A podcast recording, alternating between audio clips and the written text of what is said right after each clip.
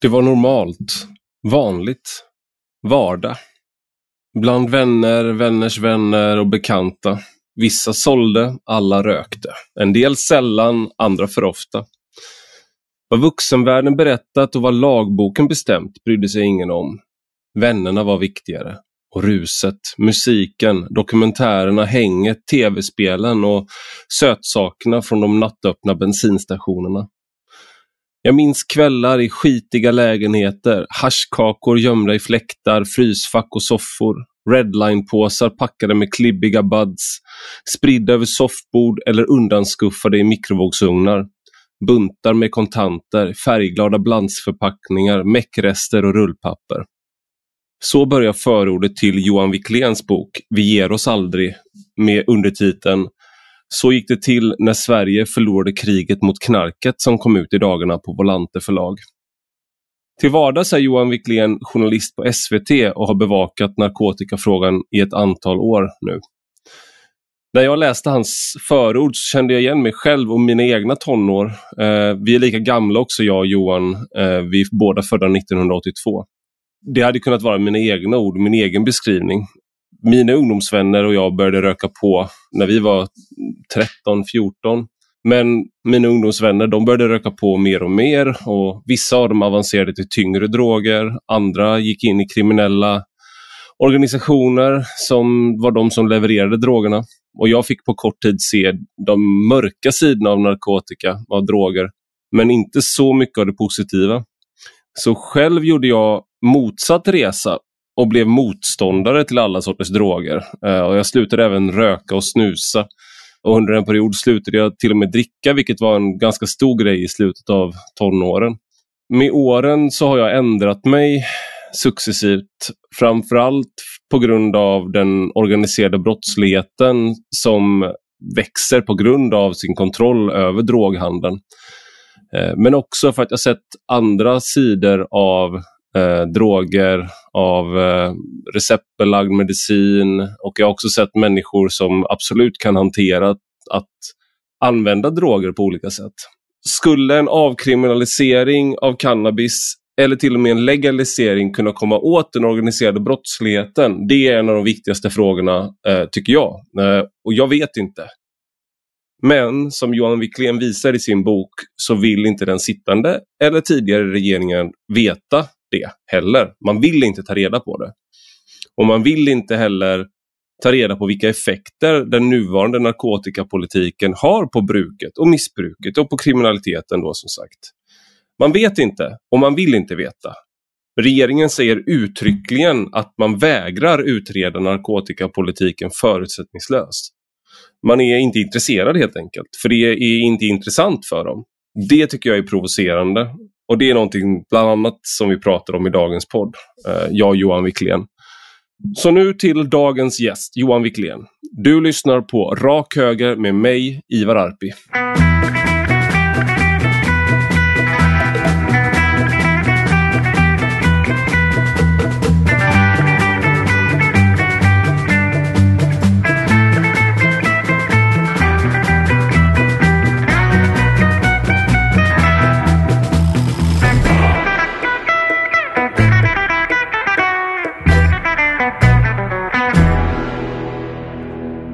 Välkommen Johan Wiklén till Rak Höger.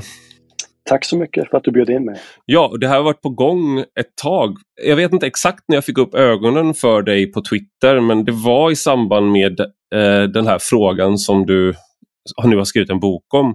Det vill säga narkotikapolitiken. Jag kommer inte ihåg när vi började interagera sådär men eh, det, var, det var väl några år sedan nu? Ja, så här som, som eh, reporter och journalist och speciellt som SVT-reporter så kommer man ju såklart eh, tänka efter liksom, åtta gånger innan man eh, skriver någonting som, som kan ens liksom, eh, tolkas som att man tycker någonting. Ja.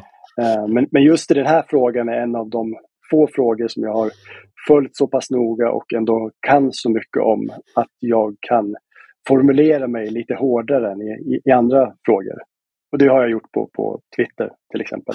Men jag har även gjort ganska mycket granskningar och vanlig nyhetsjournalistik kring, kring eh, narkotikafrågans liksom, olika aspekter på SVT. Har du fått mandat liksom att göra det inte, är alltså inte som Israel-Palestina-frågan utan det är, man kan eh, med chefernas goda minne på SVT eh, vara lite tydligare i ställningstaganden i den här frågan. Problemet, vi kommer komma in på det här, men problemet med narkotikadiskussionen i Sverige det är att sak, om du skriver någonting som inte är ett ställningstagande men som är kritiskt så anses det vara ett ställningstagande. Mm. Det är liksom så långt vi har, har flyttat liksom, eh, målstolparna i den här, i den här frågan.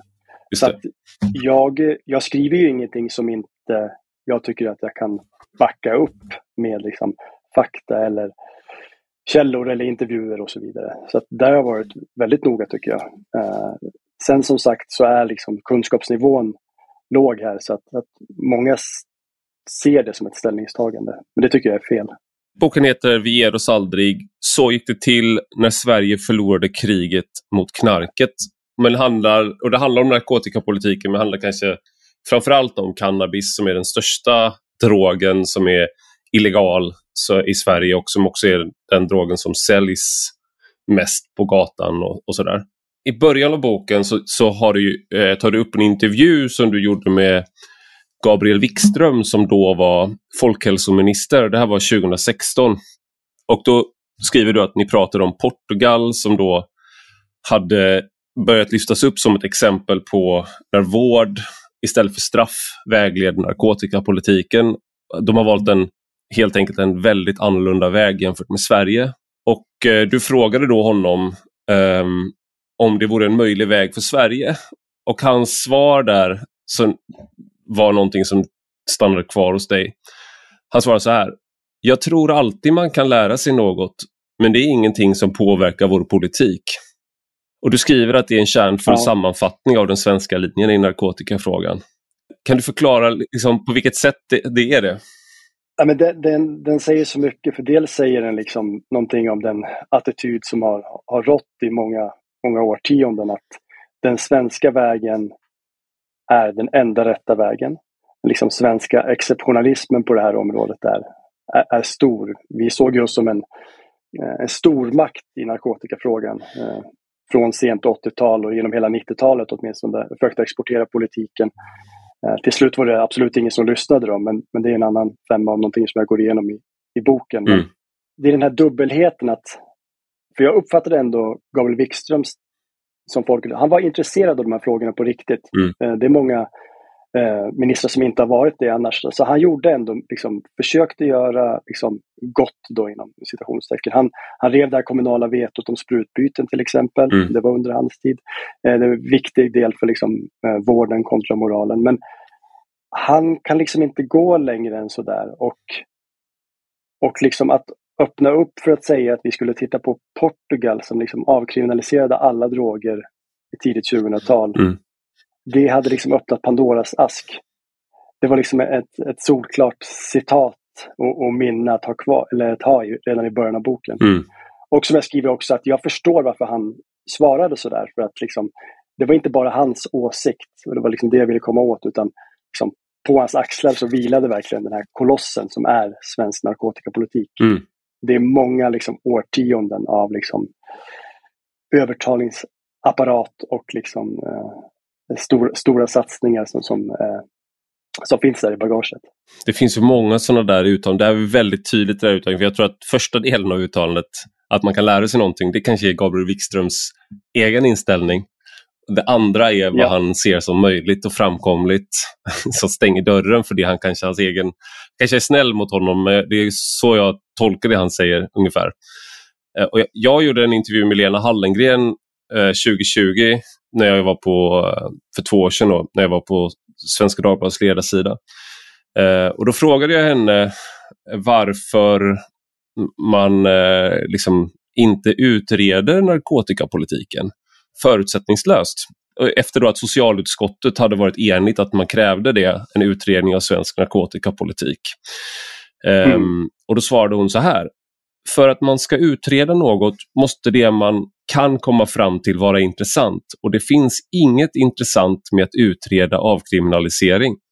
Hur, hur hamnade vi i, för det, det här är också intressant, det här är precis innan pandemin Ja. Och då var det ju väldigt mycket experterna som skulle styra sa man då. Liksom att Folkhälsomyndigheten Mm. och, och sådär. Men många experter som man lyssnade på, på då, samma experter, eller liksom med samma dynamik, att det är experter som då leder corona, ledde coronahanteringen. När det gäller narkotikapolitiken så gör man motsatsen. Där spelar det ingen roll hur många experter och forskare som säger att det här borde vi kolla på. Det är ändå inte intressant. Nej, exakt. Och det är det som fler och fler har ju fått upp ögonen. För att egentligen har narkotikafrågan varit liksom en, död fråga liksom, ganska länge. Det är först de senaste åren som det har blivit liksom, lite, lite buzz kring den. eh. Mm. Och det, det var ju liksom hela tanken med boken. Just så här, för att man blir ju nyfiken. Folk blir ju nyfikna. Varför säger hon så där? Mm. Och det är liksom, det, hur hamnade vi här? Liksom, och, och det är verkligen det jag vill berätta då för att man behöver ha den här liksom, historiken. Och det hon säger liksom, ordagrant, många av de liksom, politiska talepunkterna vi hör idag när Morgan Johansson pratar om avkriminalisering och, och kriminalisering och ge upp och alla de här. Det är återkommande liksom, retoriska talepunkter som fanns på tidigt 2000-tal, det fanns på 90-talet, det fanns på 80-talet. Mm. Så att det är liksom någonting de har, det är liksom en retorik och en liksom magkänsla man har ärvt. Sen finns det såklart många konkreta saker, men det är verkligen så. Eh, och, och, jag, och hon bottnar ju inte själv i det här, Eh, kan man ju säga. För att då skulle hon kunna ge bättre svar. Mm. Vi går tillbaka då till eh, 60-talet, 50-talet. Man börjar få mer narkotika i Sverige. Eh, eller man får upp ögonen för den här frågan. Och sen successivt mer och mer. Men kan du beskriva hur liksom, knarket kom till Sverige? Eller själva, själva ordet knark är dessutom ett svenskt ord. Men hur kom, nark- Ja, ja men hur kom det här och hur, hur möttes det här i den svenska debatten? Varför har vi blivit så här betonade på straff när det gäller narkotika? Om vi, om vi ska ta så här liksom racer, eh, liksom svaret på den frågan. Mm. För det är liksom mycket av det stora delar av boken handlar om. Men jag började ju liksom med, med cannabis som liksom landade då någon gång på, på 50-talet, 1954 här i, i Sverige och uppmärksammades som ett problem. Men, och då var det redan då en, en riksdagsledamot som hette Einar Rimmerfors som gick upp och, och varnade för den här nya liksom, eh, lasten han hade hört talas om, liksom, som svenska jazzmusiker hade fått tag i via amerikanska gäster som var här. Mm.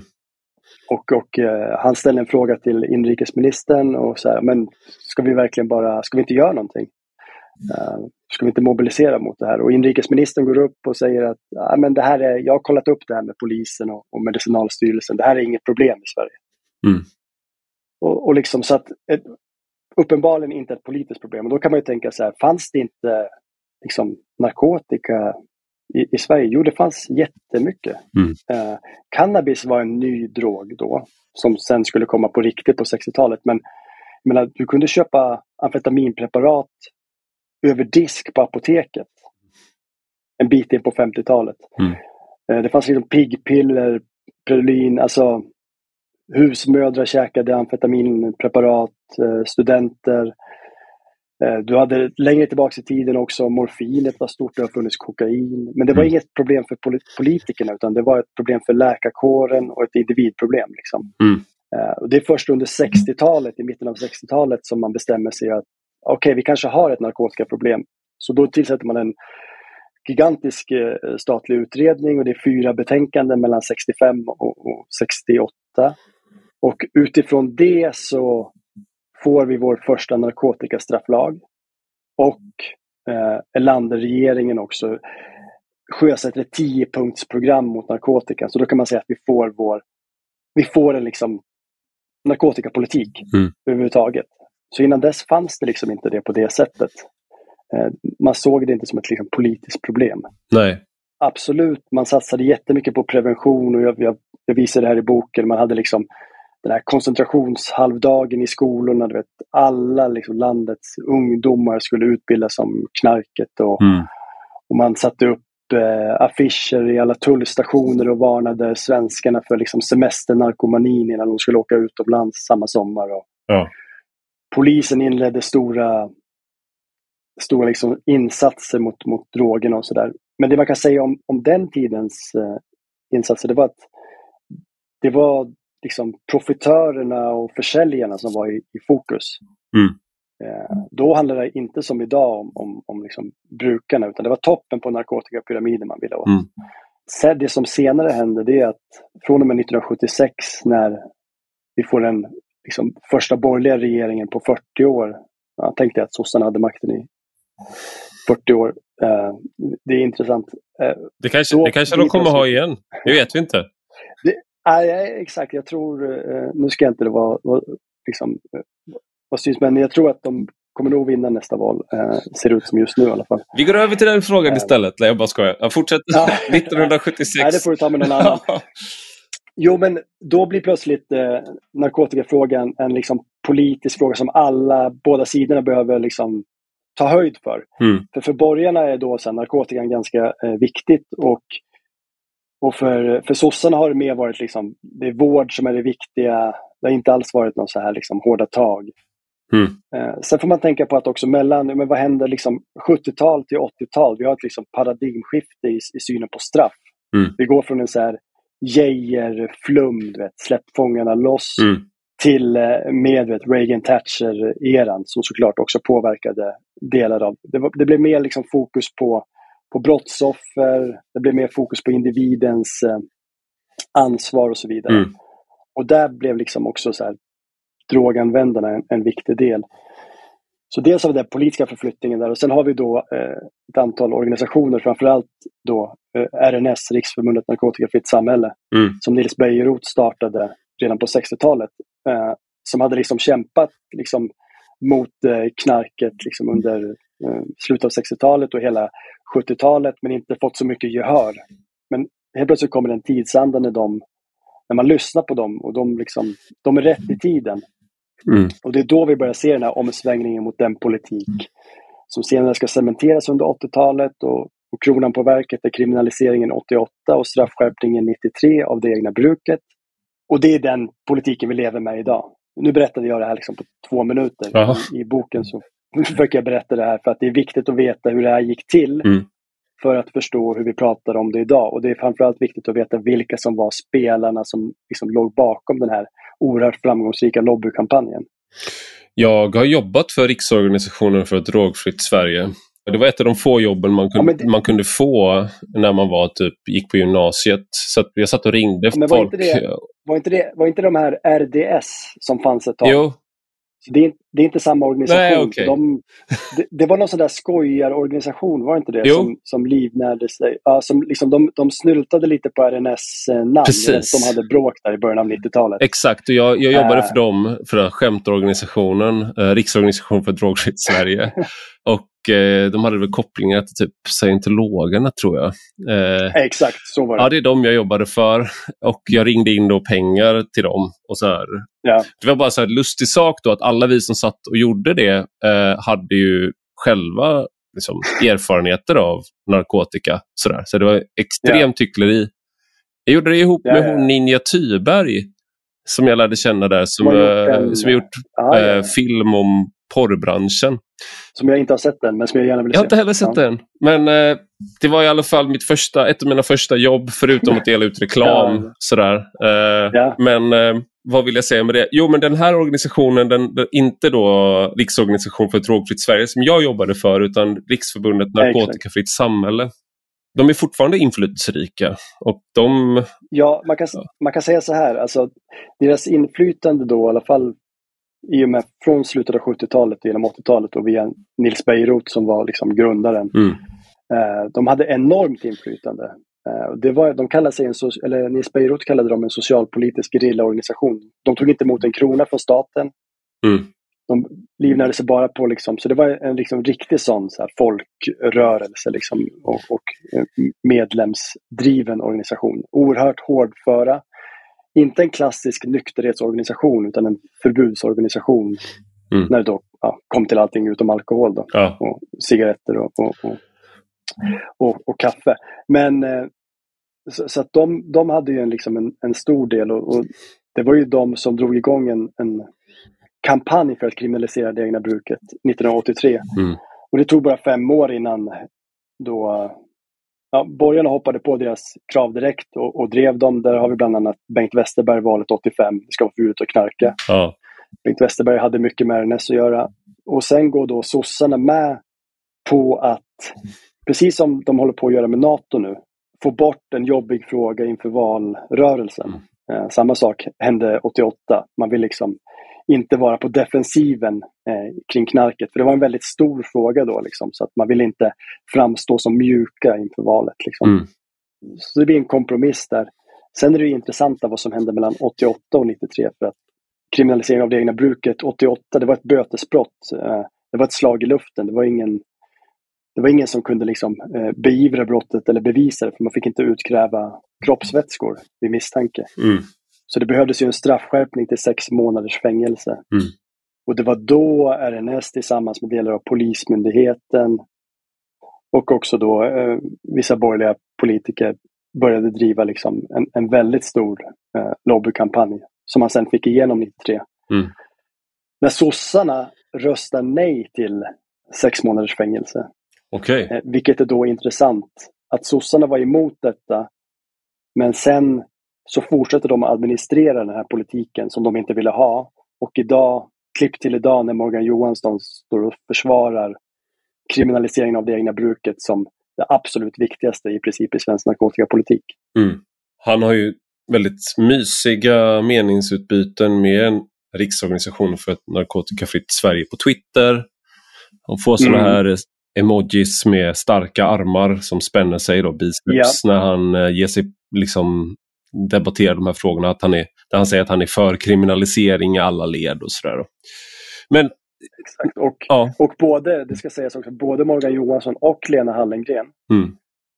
och talade eh, hos RNS på deras eh, liksom årsmöte nu i helgen. Mm.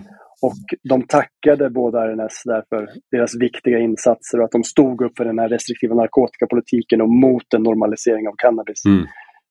Det. Och det är intressant då för mig som har följt det här länge och jag visar ju RNS del i det här att det är ingen som höjer på ögonbrynen för det här i Sverige. Nej. Men det här är ju högst kontroversiellt. Mm. Eh, så det, det, det, är en sak som jag hoppas, äh, återigen med, med historiken, man behöver ha den för att få ett bättre samtal idag. Liksom. Om vi går vidare lite från eh, RNS och Socialdemokraterna, så, eller inte gå vidare men vi har ju haft då den här kriminaliseringen i 25 år nu då, av eget bruk. Mm. Men vad är konsekvenserna då? Ja. Exakt vad konsekvenserna är kan vi inte veta eftersom ingen har haft liksom vilja att, att utreda detta. Mm. Eh, däremot kan man ju säga att var står vi idag någonstans? Jo, jo, vi står någonstans där det är mer skador än någonsin. Vi har högre liksom medicinska skador eh, från narkotikan. Vi har en tillgång som ser ut att vara högre än någonsin. Mm. Vi har en eh, narkotikamarknad som har professionaliserats liksom, och eh, oligopoliserats. Där liksom, eh, gäng och individer nu kontrollerar inte bara liksom, distribution inom Sverige utan man har liksom, eh, distributionskedjor hela vägen ner från Spanien och, och, och, i vissa fall även Marocko. Liksom. Mm. Eh, hash, kokain, marijuana. Mm.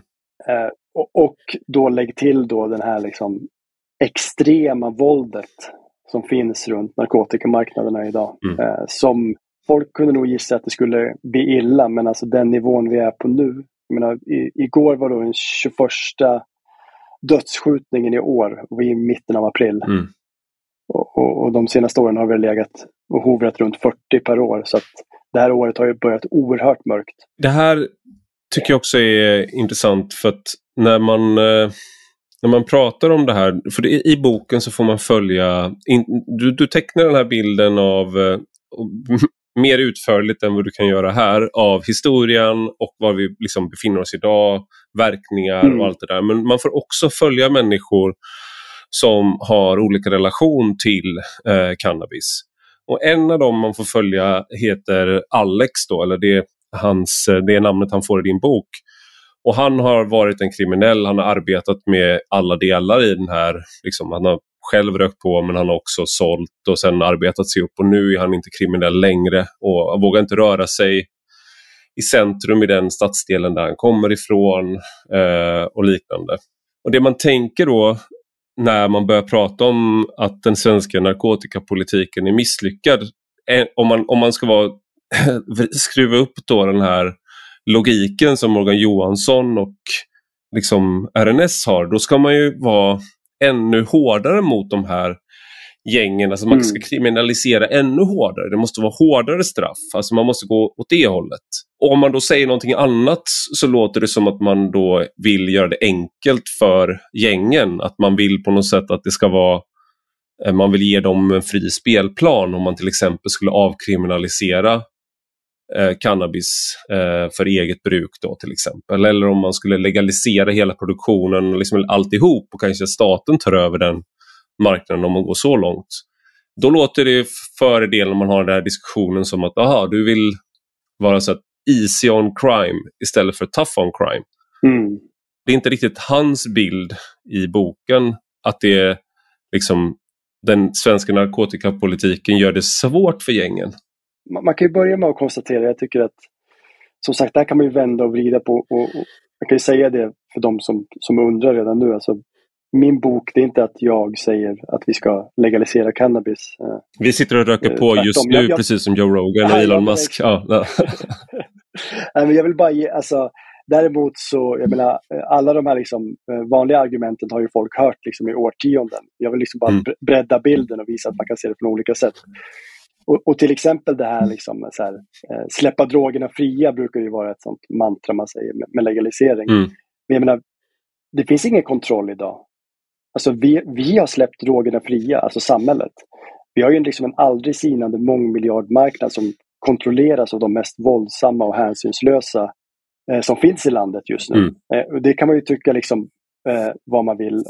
Man kan tycka att, att cannabis till exempel är en så pass farlig drog så att det är värt det. Mm. Men då måste man ju argumentera för det. Och det finns en, en, en brittisk journalist, eh, Tom Wainwright, som, som var korrespondent i, Mexiko under många år och skrev sedan en bok som heter Narconomics som jag kan rekommendera som handlar om hur drogkartellernas liksom, ekonomi fungerar. Mm. Hur de fungerar som stora liksom, eh, multinationella företag.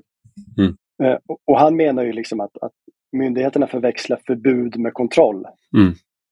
Alltså att, att förbud, förbjuda droger, eh, det kan ju verka vettigt, men det är att överlåta ensamrätten till liksom en mångmiljardbransch till världens mest då hänsynslösa nätverk av organiserad brottslighet. Och, och det är, som sagt, jag säger inte att lösningen i Sverige just behöver vara att liksom legalisera, men det måste åtminstone finnas en, en diskussion där man inte liksom sätter på skygglapparna direkt och reagerar med magen.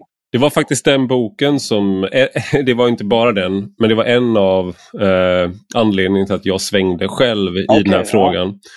Jag skrev om den på ledarsidan när den kom där. Eh, just just den här tanken att det inte är att det det handlar om är att bekämpa organiserad brottslighet och att kunna hjälpa människor. Men såklart då mm. att alltså han, han är väl han, han studerar ju liksom Colombia, Mexiko. Eh, han träffar många av de här eh, fruktansvärda liksom, människorna och får dem att prata med honom. Mm. Det är en av, en av dem han träffar heter Barnätaren då, eller El Comeninos, eller Comeninos, jag kan inte uttala det. Men liksom, de var jätteglada att få prata med honom för att de äntligen fick prata om någonting som de själva brann för. Det vill säga företagskultur och sådana där saker. Hur får man yeah. liksom kedjorna att funka liksom och sådär.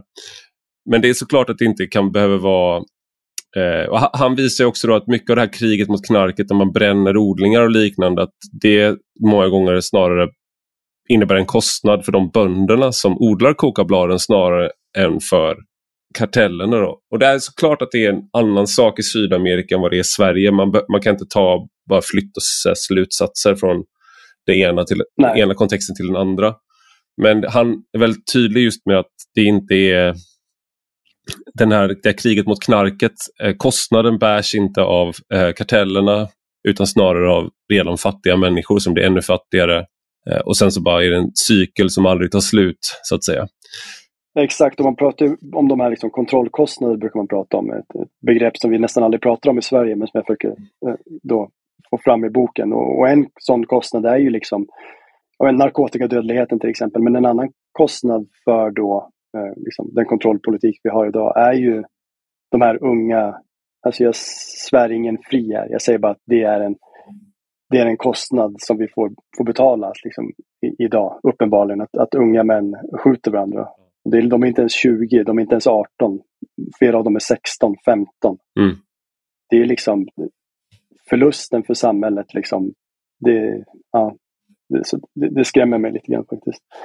En sak som jag tänkte på var ju också att den här, du, du, du träffar en, eh, en kille som är han är ungefär jämngammal med dig och mig. Vi är båda födda 82. Det är en vältränad man som odlar sin egen marijuana. Eh, men han är liksom, för, han har företag, han är eh, han har djur på sin gård, han har barn och familj. Han är, liksom, ja, men han är en sån där mönstermedborgare enligt många skulle man kunna säga. Eh, mm. produktiv. Skulle aldrig, hand, skulle aldrig handla av, en, av någon kriminell langare heller. Det är därför han odlar själv. Liksom. Ja, så han är ju på något sätt, men han eh, använder, han, han, han, har använt cannabis sedan han var 14 år. Och han är ju då ett exempel på när alltså, den typen av människor, så att säga, de är frånvarande ur en person som Morgan Johanssons värld då, eller Lena Hallengrens värld. Det är mm. liksom en person som har, han, han, han brukar cannabis på samma sätt som någon dricker ett glas vin till maten. Av allt att döma i alla fall. Liksom. Men det är svårt att tro att han skulle klara av att liksom, hantera sitt liv så bra som han gör om han var, en, var helt fast i något slags missbruk. Liksom. Blir det där en missvisande bild ändå att människor klarar av att hantera droger? Du tar upp i början av boken din egen erfarenhet av, liksom, mm. av det här och, och att min erfarenhet är, verkar snarlik din, men jag hade många vänner som fastnade i rökheroin och folk som dog av överdoser och sånt där de, när jag växte upp som tonåring. Och då tänker jag, det var väl länge min bild och den här bilden då av någon som kan hantera det, är den för positiv? Ja, men det, det, det, det, är som, det är väldigt många, det var därför det var väldigt viktigt att skriva. Det, det är ett tredelat kapitel mm. som heter världens, världens bästa drog. Eh, mm. Bara för att som sagt, den här aspekten är ju helt liksom, de, de som får synas i, i, liksom, i media, om man ska följa de liksom, narkotikajournalistiska spelreglerna, är ju liksom antingen eh, människor som har liksom kommit ut ur sitt missbruk och, mm. och, nu är rena och kan berätta hur, hur illa allt var. Liksom. Det, det har ju varit den främsta liksom, personen som har fått komma till tals i Sverige. Mm. Eh, Sen har vi också liksom de som är på något sätt ofarliga för att de är så satans liksom out there, liberala, eh, liksom frihetliga. Ja, men som en Alexander Bard-typ eller den typen av, av, av, personer. Som på något sätt är, är så liksom långt ifrån, liksom, eh, de är så osvenska så att det blir inte ett hot. Liksom den här tesen om så här, det oundvikliga beroendet är ju någonting som har varit en väldigt stor del i den här, så här övertalningspropagandaapparaten liksom, från, från myndigheternas sida eh, mm. sen, sen 60-talet. Och, och eh, det är det jag försöker förklara i boken när jag tar upp alkohol också. Med, med alkohol så vet alla liksom, intuitivt, ingen kan liksom säga att alla som dricker eh, ett, ett glas öl eller ett glas vin är alkoholister, för det, då skulle vi skratta åt dem. Ja. Vi vet att, att, att det är skillnad på liksom parkbänken, två Explorer om dagen eh, och liksom, ja, men så som jag dricker typ ett eller två glas vin mm. eh, på en helg. Eh, i, I bästa fall om jag orkar vara uppe så länge. Liksom, ja just det, du har också barn. ja, jo men exakt. Ja. Och det är inte värt det. Som man blir äldre så får man liksom ont i huvudet om man dricker liksom två öl. Mm. Eh, nej men så att, att men det är samtidigt en oumbärlig liksom. del som du tar upp i boken också av ja. vad det innebär att ha trevligt för väldigt många svenskar. Inte alla, men väldigt många. Liksom att kunna dela på ett glas vin, kunna ta en öl med kompisar när, man äntligen hinner träffas, eh, fira eh, och sådär. Och, så det, det, det, det är dubbelt. Liksom. vi, ja, och, och, och, vi fattar ju den grejen. Och liksom, med alkoholen så har vi också vi, vi har ett mer öppet samtal det är inte lika stigmatiserat. Eh, man, man har liksom en viss social kontroll på ett bra sätt. Att vet, om, om en polare dricker för mycket eller beter sig dåligt så kan man säga till. Liksom. Mm. Eh, allt sånt där som inte finns kring, kring de andra drogerna. Mm. Och för, för, att liksom exemplifiera hur liksom eh, religiöst tron på det här att allt bruk är missbruk är, jag har ju flera exempel i boken, men till exempel en, en opinionsundersökning tidigt 2000-tal, det var inte så länge sedan, 20 år sedan, där liksom åtta av tio svenskar då svarade att man kan inte använda cannabis utan att bli beroende. Nej. Eh, och, och det är ju, det är liksom, jag vet inte vad man ska säga.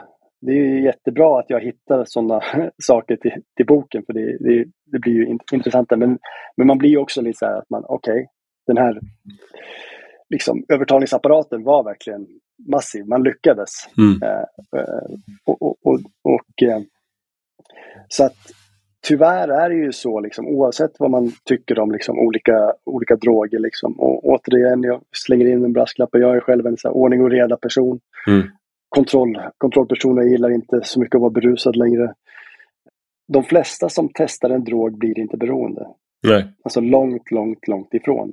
Eh, och det här är så här helt okontroversiellt i forskarvärlden. Mm. Eh, men det är ju ingenting som har fått plats i den svenska debatten alls. Eller i den svenska liksom, informationen. Eh, sen är det ju så att en annan sak som också man har lärt sig i Sverige och som också har varit en del av den här liksom, massiva propagandan, då, det är att vem som helst kan åka dit. Alltså vem som helst kan torska på, på drogerna. Mm. Eh, men det stämmer inte heller utan alltså, återigen, alltså, liksom missbrukets selektion är brutal brukar forskare säga. Mm. Det betyder att det är inte vem som helst som blir liksom, får oerhörda liksom, problem med drogerna. Visst kan det vara liksom, eh, rika människor och, och, och välutbildade män. Absolut, det finns jättemånga exempel på det också. Men framförallt där, och det ser vi till exempel med den här samsjuklighetsutredningen nu och sådär. Alltså, grav psykisk ohälsa, psykisk sjukdom, psykossjukdom och drogmissbruk går ju hand i hand. Ja. Eh, det är inte vem som helst som, som liksom som faller, som trillar dit. Nej, det finns ju en annan aspekt där som du, som du också tar upp i boken, men det är det här att även om du har varit beroende så är de flesta slutar, eller många slutar vara beroende också. Så du och det gäller även tunga droger.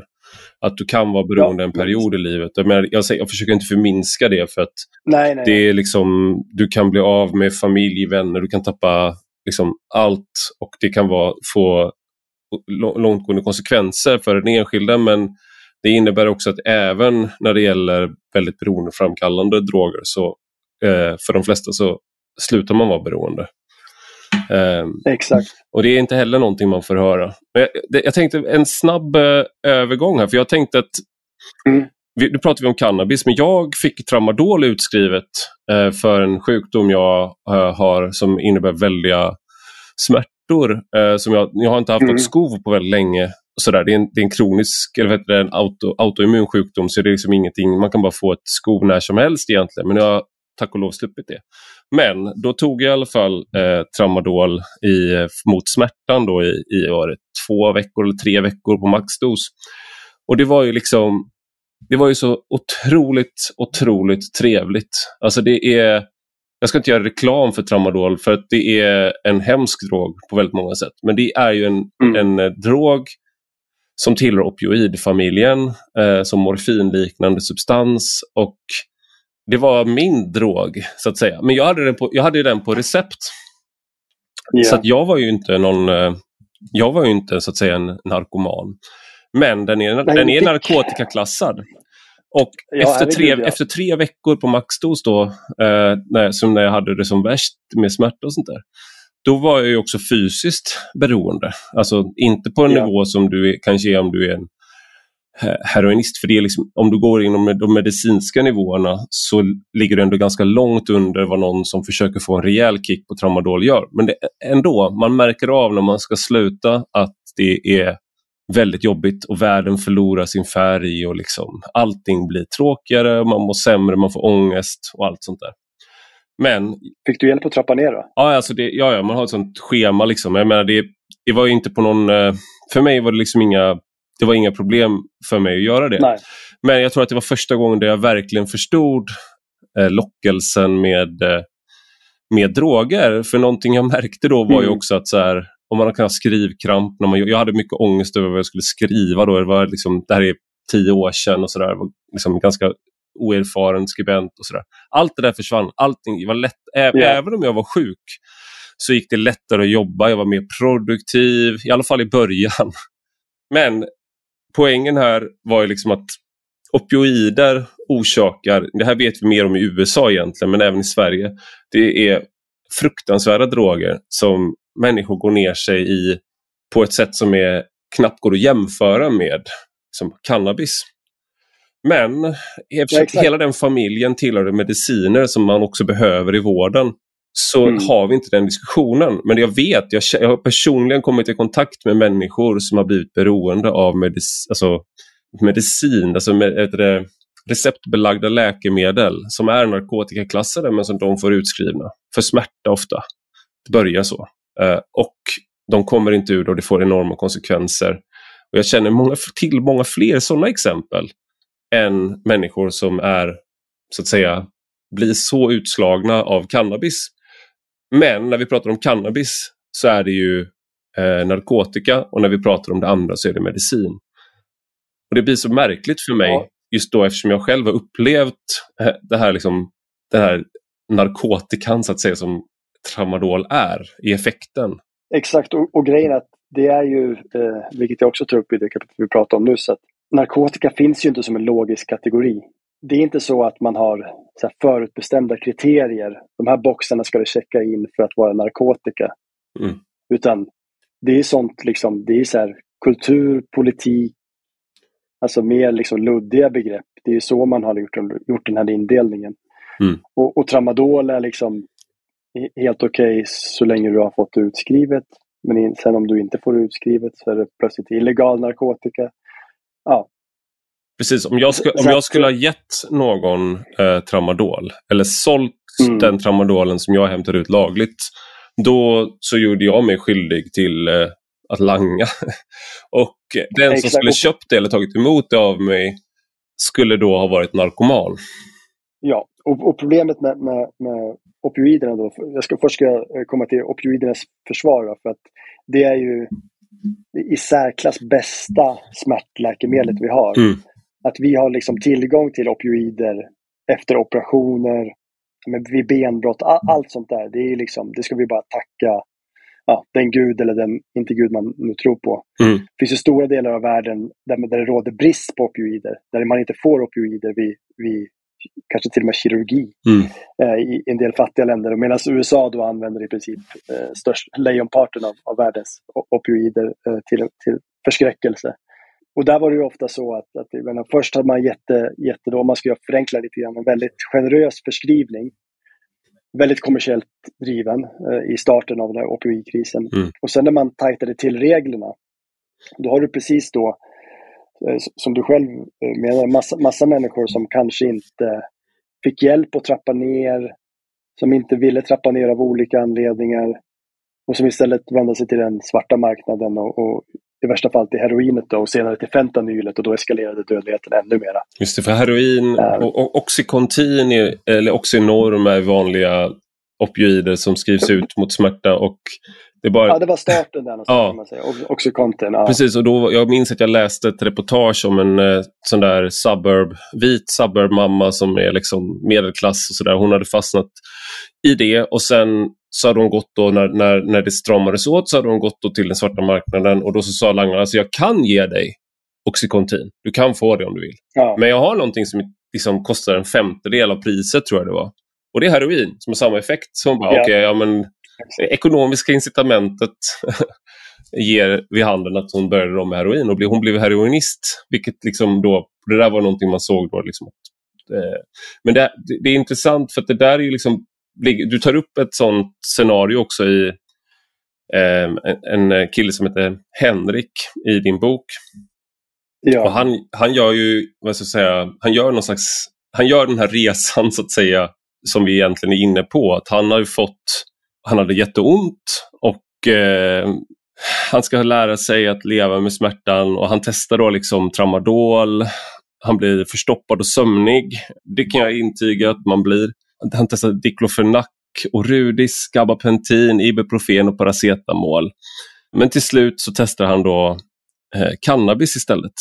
Hur gick det för honom? Ja men exakt och det här är ju då, om jag sa då att opioiderna är bra vid liksom akut smärta. Mm. Sen, sen får man liksom försöka trappa ner dem så snabbt som möjligt.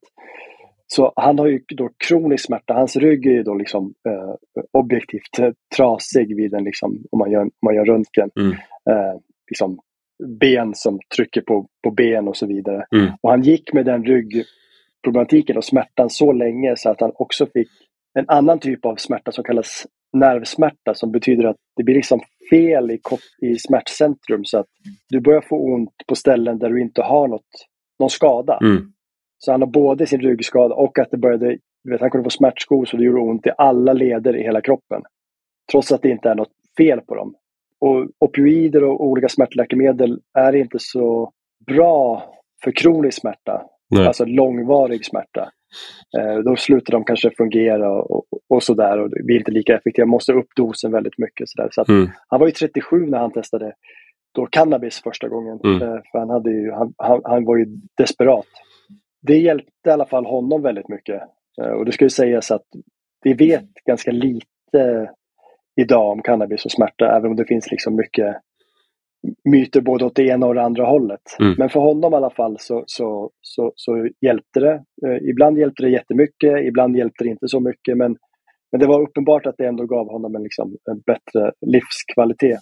Sen hade ju han också då med, med smärtan här och, och sådär, så att han ville ju han, det blir mycket liksom ångestproblematik också så han, Mm. han skulle få gå till en, en psykiater och, och eh, men då är bara problemet att han var helt öppen för sin läkare. Han sa, men jag har börjat liksom använda cannabis mot smärtan och läkaren var helt okej med det. Han ville ju vara öppen för att liksom, jag vill att min läkare ska veta vad jag stoppar i mig. Mm. Eh, men då sparkade psykologerna på den här liksom, eh, kliniken bakut och sa att det blir ingen terapi så länge han använder cannabis. För då kan han inte tillgodogöra sig terapin. Men det var, Okej, det var så fine testa- så länge när han gick på opioiderna. då. Exakt, Mm. men, men cannabis nej. Mm. Eh, och, så, och då, då så här, ja, men jaha, men om vi går via en beroendeklinik då? Kan vi göra det på det sättet? Nej, det går inte för han är inte beroende. Mm. Eh, Jaha, och så testade de liksom alla vägar och det gick inte så att han bara, nej, det, det blir inget det blir ingen hjälp. Så att, och då blev det liksom värre och värre så där med, med, med, med det psykiska eh, måendet. Och, och Mm. Till slut så bestämmer han sig för att vi får betala en terapeut själv. Mm. Och, och det, de hade ju inte jättefett. Han gick ju liksom... Det här är en man som hade varit liksom lärare, välutbildad. Mm. Eh, flera barn. Vet, aldrig gjort något brottsligt i hela sitt liv. Mm. Testade cannabis första gången när han var 37. Ville göra rätt för sig. Så de betalar väl runt 4 000 för den här terapeuten. Några sessioner i månaden. Och det, det går bra. Det är en bra terapeut och det känns bättre och sådär. Mm. Men då finns det liksom inget ekonomiskt utrymme att köpa cannabis också från den svarta marknaden. Det kostade runt 3 000 varje månad. Mm. Så upp i bestämmer han sig, 7000 i månaden bara för det då? Exakt. Sammanlagt. Det funkade liksom inte riktigt. Så att han bestämmer sig, men jag får, jag får försöka odla då i garaget. Mm. Och, och då gör han det och, och han lyckas få en skörd som är liksom helt okej. Eh, det- Han får lära sig på Youtube och sådär. Eh, och sen ska han liksom så han, han kör på det och så sätter han en, en ny skörd. Men sen en dag när han liksom kommer från affären med bilen, då står en polisbil och väntar på honom och, och stoppar honom. Och, och, och frågar honom, liksom, han får blåsa och det är grönt när han blåser. Och, och, sen frågar han om det är någonting annat och då säger polisen, "Ja, jag ska vara ärlig, när rökte du cannabis senast? Mm. Och han bara, ja det gjorde jag igår. Ja, men då stoppar vi dig för liksom, droger att fylla här och så vidare. Och, och, och det är inte så att de har stoppat bilen för att han har kört konstigt. Och, och de, det finns ingen anteckning om att hans pupiller ser konstiga ut eller vet, drogpåverkan tecken. Nej. De menar bara att, att har du använt det liksom i, igår och du använder det ofta, då har du det säkert i kroppen. Då, det, då, då ska du liksom eh, Ska du in Då i finkan? Då ska han in i finkan, så då kör de, han, har, han har liksom sitt barn i bilen, de har varit och handlat, så mormor får komma dit och ta hem barnet, två andra barn var hemma. De kör dem till sjukhuset och tar urin och blodprov och sen till polisstationen och så blir det förhör. Och, så, och han berättar liksom om sin rygg och, och smärtan och sådär. De frågar hur ofta röker du? Ja, men det är nästan varje dag i princip. Mm. Eh, de bara, ja, men var får du det ifrån? Och så berättar han i princip att han, han odlar. Så då åker de dit och så raidar de garaget och kör därifrån. Mm. Och sen eh, då, jag följer hans case och, och är med på rättegången. Och, och vad som händer eh, efter det och sådär. Så det, det, kan vi lämna som en cliffhanger i boken. Ja.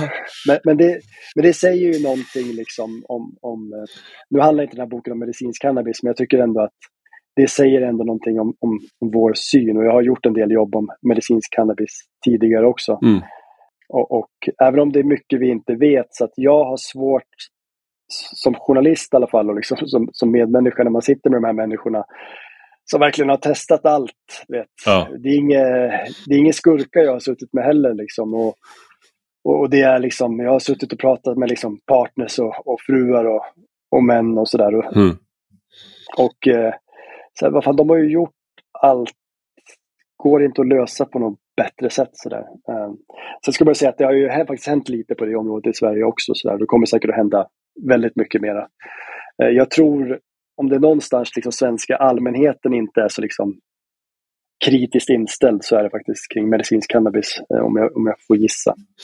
Nej, det, så är det nog och det är någonting som mm, jag, jag tänker att amerikansk populärkultur har ju påverkat här också där, som du tar upp, liksom, att nästan alla kändisar har ett eget märke. Jag vet Mike Tyson, mm. han säljer ju eh, cannabis. Han har bland annat det här ätbara produkter kan man ha. Som man kan, och då säljer han eh, öronformade godisar efter att han bet av Evander Holyfields öra. Så han, ja. Eh, och det, mm, jag har aldrig varit så sugen på att testa en sån där ätbar eftersom jag är ett boxningsfan. Då. Men eh, det har jag inte gjort. Men uh, han, uh, där är det ju en, en otrolig attitydförändring som har skett kring det här. Och folk är väldigt öppna med, med liksom att de... Och det, det, det här var också något som slog mig när jag bodde i Danmark på 00-talet. Det var att man är på en fest och folk, jag, jag umgicks med folk som pluggade till läkare och deras kompisar.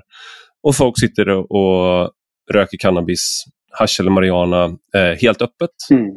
Och för mig var det mm. där någonting då, i alla fall då, som var inte någonting man gjorde öppet, utan det där var någonting som man gjorde liksom Dricka alkohol, fine, liksom. men röka på gjorde man inte bara bland folk. Sådär. Eh, och det där var någonting som många som har bott utomlands har ju upplevt. Spanien, USA, många andra länder, att det är mycket mer accepterat just med att röka cannabis. Men även i Sverige så har det blivit en attitydförändring som där folk som är i vår ålder eller äldre har ju mer negativa så att säga, attityder än yngre människor. De definitivt, det generationsskapet är ju rätt brutalt. Och det är liksom, jag har ju säkert hundra varför jag skrev den här boken, men, men det är ju faktiskt en, en del liksom att Alltså kan man den här frågan och ha liksom koll på, på, på hur trenderna har sett ut de senaste tio åren, liksom, sen USA började legalisera och, och var vi är på väg någonstans, så, så det är uppenbart att det, det svänger. Och nu när även europeiska länder som Tyskland ska legalisera cannabis så kanske det kommer att svänga ännu snabbare för att EU påverkar nog oss mer mm. eh, politiskt i alla fall eh, än USA som påverkar oss mer kulturellt kanske. Vi är ju någonstans i en omvärld som blir liksom för varje dag som går på något sätt än mer olik Sverige. Och återigen, vi, vi behöver inte gå samma väg, men det är någonting vi måste förhålla oss till. Mm. Eh, svenskar kommer liksom att besöka länder där eh, cannabis behandlas eh, som alkohol i allt större utsträckning de närmaste 5-10 åren. Mm. Det, det, är liksom garanterat. Vi har Portugal, eh, Schweiz håller på med ett pilotprojekt nu. Mm. Spanien kommer säkert att göra någonting och jag menar alla länder som gränsar mot Tyskland, det, det finns... Eh, du vill helst inte ha liksom en laglig marknad som grannland. Nej. För då finns det incitament eh, att ta från den liksom, eh, eh vitt producerade marknaden eh, och sen skeppa över eh, gränserna och sälja det dyrare på en svart marknad. Just det. Det där är också en sak man får beakta, som Sverige då. Ja, det kan ju sätta igång en domino, dominoeffekt. Liksom. Mm. Eh, men för att återkomma till den här generationsklyftan, den är så himla tydlig. Eh, typ var liksom statens övertalningskampanj, liksom, när det inte längre fanns pengar att fortsätta med den. Mm. Och det är ju någonstans, ja, vi födda 82 båda. Det höll sig liksom fram till tidigt 90-tal kanske. Mm. Men sen eh, gick vi in i en liksom, djup lågkonjunktur där. Mm. Eh, och det skriver jag om i boken och då, då, då, får man ju, då försvann liksom de flesta benen i narkotikapolitiken och kvar stod liksom polisen och, och repressionen. Mm. Allt det här som liksom hade sett som, som flum tog man bort. Eh, Just det. Och, och sen dess har det bara eh, gått liksom, eh, åt, åt, fel håll. Sen tror jag att Sverige kunde ha en, liksom, en sån egen syn och en liksom, de här kampanjerna och liksom den här preventionen som, som i första hand handlade om att liksom få folk att ställa upp liksom på den svenska politiken och narkotikafria samhället. Det funkade ju faktiskt inte längre än fram till 90-talet för att då öppnar vi upp på allvar mot omvärlden. Mm. Med EU. I och med, i och med EU. Mm. Ja, och, sen, så, och sen kommer 2000-talet och internet. Mm. Det är liksom, den världen är borta nu. Sverige har liksom, och det gäller ju flera politikområden, jag menar vi är ett litet land, välmående, högt upp i norr. Vi ligger liksom väldigt eh, bra till geografiskt för att liksom eh, stänga liksom gränser, både liksom eh, fysiska och mentala. Mm en sak med, med de unga människorna, om jag förstår saken rätt, så, så om man kollar på både alkohol och narkotikabruk, eh, alltså hur tidigt man, man testar, hur ofta man dricker, hur ofta man festar och allt sånt där, så tror jag att eh, det var på var mitten av 90-talet och lite framåt som det låg, då låg det högre. Men alltså att ungdomar drack och knarkade mer, så att säga. Man, man rökte mm. på mer, man tog mer droger och man festade mer och man drack mycket mer. Och man debuterade tidigare också med när man eh, blev full första gången och sådär. Än ungdomar idag, men ungdomar idag har en mer tillåtande syn så det är liksom inte heller så enkelt som att okej, okay, ungdomar tycker att det är mer normalt och därför gör de det mer, utan de tycker det är mer normalt men de gör det ändå mindre än vad vi som då fyller 40 tyvärr snart eh, gjorde, eh, den generationen, Exakt. när vi var unga. Då var det fler som var emot, tyckte att det var konstigt, men det var också fler som gjorde det.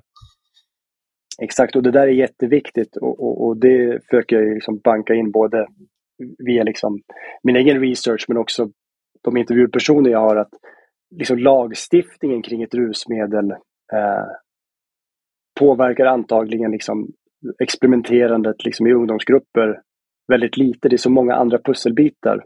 Eh, mm. Du tog upp drogerna nu som du sa. Alltså hela 90-talet gick det upp i, upp i taket från väldigt lågt. Liksom. Vi hade ett 80-tal som var generellt så hälsosamt eh, årtionde. Vi hade väldigt få klyftor. Vi satsade mycket pengar på idrott. Vet, alla sådana här liksom, vaccinerande liksom, små pusselbitar mot att folk skulle få problem eller mm.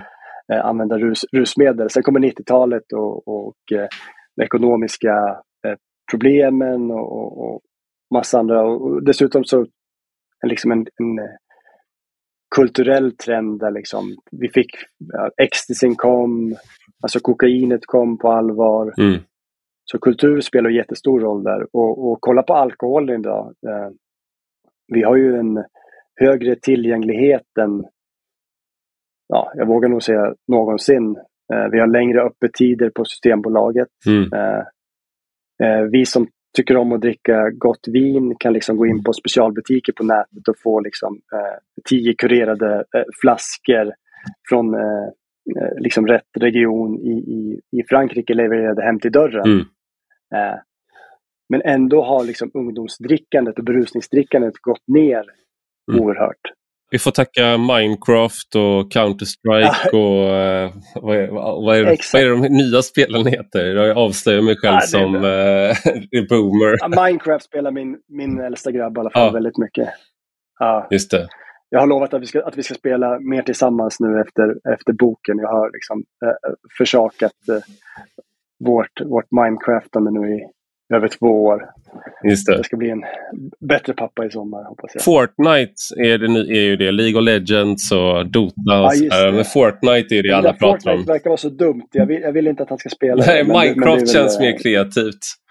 Uh, Nej, det är jätteroligt. Uh, ja. Jag tänker en sista sak då, för jag, jag vet att du har annat att göra än att prata med mig, men en sak som då är lite störande i det här, det är ju att när jag har skrivit om den här frågan och när vi la om, eh, jag och Maria Ludvigsson var väl vi som la om linjen på Svenska Dagbladets ledarsida till att vara för avkriminalisering och förändra mm. synen på, och det är några år sedan nu, men då, då fick jag många negativa reaktioner för att man generellt sett så är, är jag förespråkar jag ganska hårda tag mot gäng och mot kriminalitet, organiserad kriminalitet och, och sådär. Mm. Eh, och jag menade ju när jag förespråkade då en avkriminalisering att det skulle kunna vara just, och kanske även en legalisering på sikt, eh, men att det skulle kunna vara eh, av, av cannabis framförallt, men att det skulle kunna vara ett sätt att komma åt gängen. Men då var det väldigt många poliser, eller väldigt många, men på Twitter var det många poliser som annars kanske tyckte mm. att det jag skrivit var bra. Eh, de reagerade då på att jag, det var naivt att tro att man skulle komma åt gängen på det här. Så det var som att jag var flummig då. Och det är väl också mm. den linjen som Socialdemokraterna har, har valt i det här liksom att man, man, man ska vara tough on crime och då ska man vara liksom, stenhård vad gäller kriminalisering av narkotika i alla led, som Morgan Johansson uttryckte det. Mm. Jag tänker, vad, vad talar för de olika, vad talar för att det jag säger då, eller, eller de som säger att man ska avkriminalisera eller legalisera, finns det någonting som talar för att det faktiskt kan hjälpa att komma åt organiserad brottslighet? Och finns det någonting som talar för den andra sidan, att det är liksom, om vi fortsätter den här hårda linjen och trappar upp kriget så kommer vi komma åt dem? Alltså det, det, det, här är ju liksom tio timmars diskussion. Du får 15 eh, sekunder. Jag bara skojar. ja, men en, liksom en, om man ska då för det första göra skillnad om vi pratar avkriminalisering så kanske det i, i första hand är liksom del uti, i en vårdreform. Mm. Alltså det här att, att liksom eh, det kan också vara del i en liksom, eh, kriminalreform på det sättet att, att man fri, ska frigöra polisens resurser. Mm. Eh, så, så kan man ju tänka, men, men framförallt handlar det om att liksom, ta bort stigmat, ta bort liksom, eh, eh, böter, ta bort, ta bort allt det här för att, för att helt enkelt styra om hela samhällets syn på det här problemet mm. mot vård. Mm. Eh, och då skulle man, då skulle man, man kunna hjälpa Henrik som vi pratade om till exempel, som inte ja, fick men, ja, terapi. Till exempel, och, och, och, det hade varit enklare liksom att, att få igenom skadebegränsande åtgärder. Liksom. Mm. Uh, och traditionellt så har ju det stoppats i, i, Sverige och vi var ju väldigt sena. Jag menar, först 2017 som vi stoppade kommunpolitiker från att kunna stoppa sprutbyten på liksom, uh, ideologiska grunder. Så att det är liksom en, en vård, uh, vårdinsats då, lite förenklat. Medan en legalisering, då pratar vi ju liksom en, någon liknande systembolagsmodell. Och, och, och en legalisering kan ju också Folk gör misstaget att tro att en legalisering ser likadan ut, men vi vet ju att vår alkoholpolitik skiljer sig mot Danmarks. Mm. Eller hur? Vi vet att den skiljer sig mot Spanien. Så att, så att regleringar av, av ett rusmedel kan ju se olika ut. USAs många amerikanska delstater har en väldigt kommersiell modell när det kommer till THC, alltså cannabis. Mm. Där det är väldigt så här, ja, men, som du sa, kändisarna kan ju branda produkter. Mm. Eh, du kan verkligen liksom ge dig ut och försöka liksom skaffa kunder på det sättet. Du kan göra liksom rabatt tjänster och sånt där. Allt som Systembolaget inte gör. Eh, Medan man i Kanada har en mycket mer liksom, folkhälso-approach och en mer vetenskaplig approach. Liksom. Mm. Utvärdera, se hur det funkar. Du får inte branda dina produkter, det ska se ut som, mer som läkemedelsförpackningar och sånt där. Mm. Eh, om, om, om, man snabbt kan säga någonting, liksom ett, en avkriminalisering i Sverige skulle kunna vara bra, bra för, kanske bra för vissa saker. Samtidigt med, med den typ av gängkriminalitet vi har idag, kanske skulle det vara så att det på något sätt skulle kunna göra det enklare att sälja narkotika. Mm. Eh, för att du, kan, du kanske får ha en viss mängd på dig eller något sånt där. Mm. Så att eh, eh, där är ju liksom en, en, legalisering, om man tittar på hur alltså, även USA, Kanada, hur tyskarna resonerar nu i flera andra länder så, så är ju alltid liksom att att försöka ta de här svarta pengarna och göra dem vita är ju en, en stor del. Eh, och det kommer ju inte såklart, alltså, i Sverige har det gått så himla långt med det här liksom, våldet. Mm. Eh, och, och, vi har haft det här liksom, förbudet så man har ju liksom ackumulerat väldigt mycket förmögenhet över tid. Mm. Så det kommer ju liksom ta lång tid att, att bryta det. Mm. det. Det många för fram, och även Alex i boken där, det är att så här, det en legalisering skulle kunna göra potentiellt i Sverige, det är att eh, man, man gör liksom insteget för de unga grabbarna in i gängerna. Man, man, sätter, man gör högre trösklar. Mm. Eh, eftersom, eftersom, och det säger polisen själva, att, att cannabisförsäljningen är ju en liksom väg in. Det är liksom en, en inkörsport, mm. eh, formulerar de sig, för liksom unga män in i den kriminella världen. Eh, och det är intressant att polisen skriver det rakt ut i sina rapporter.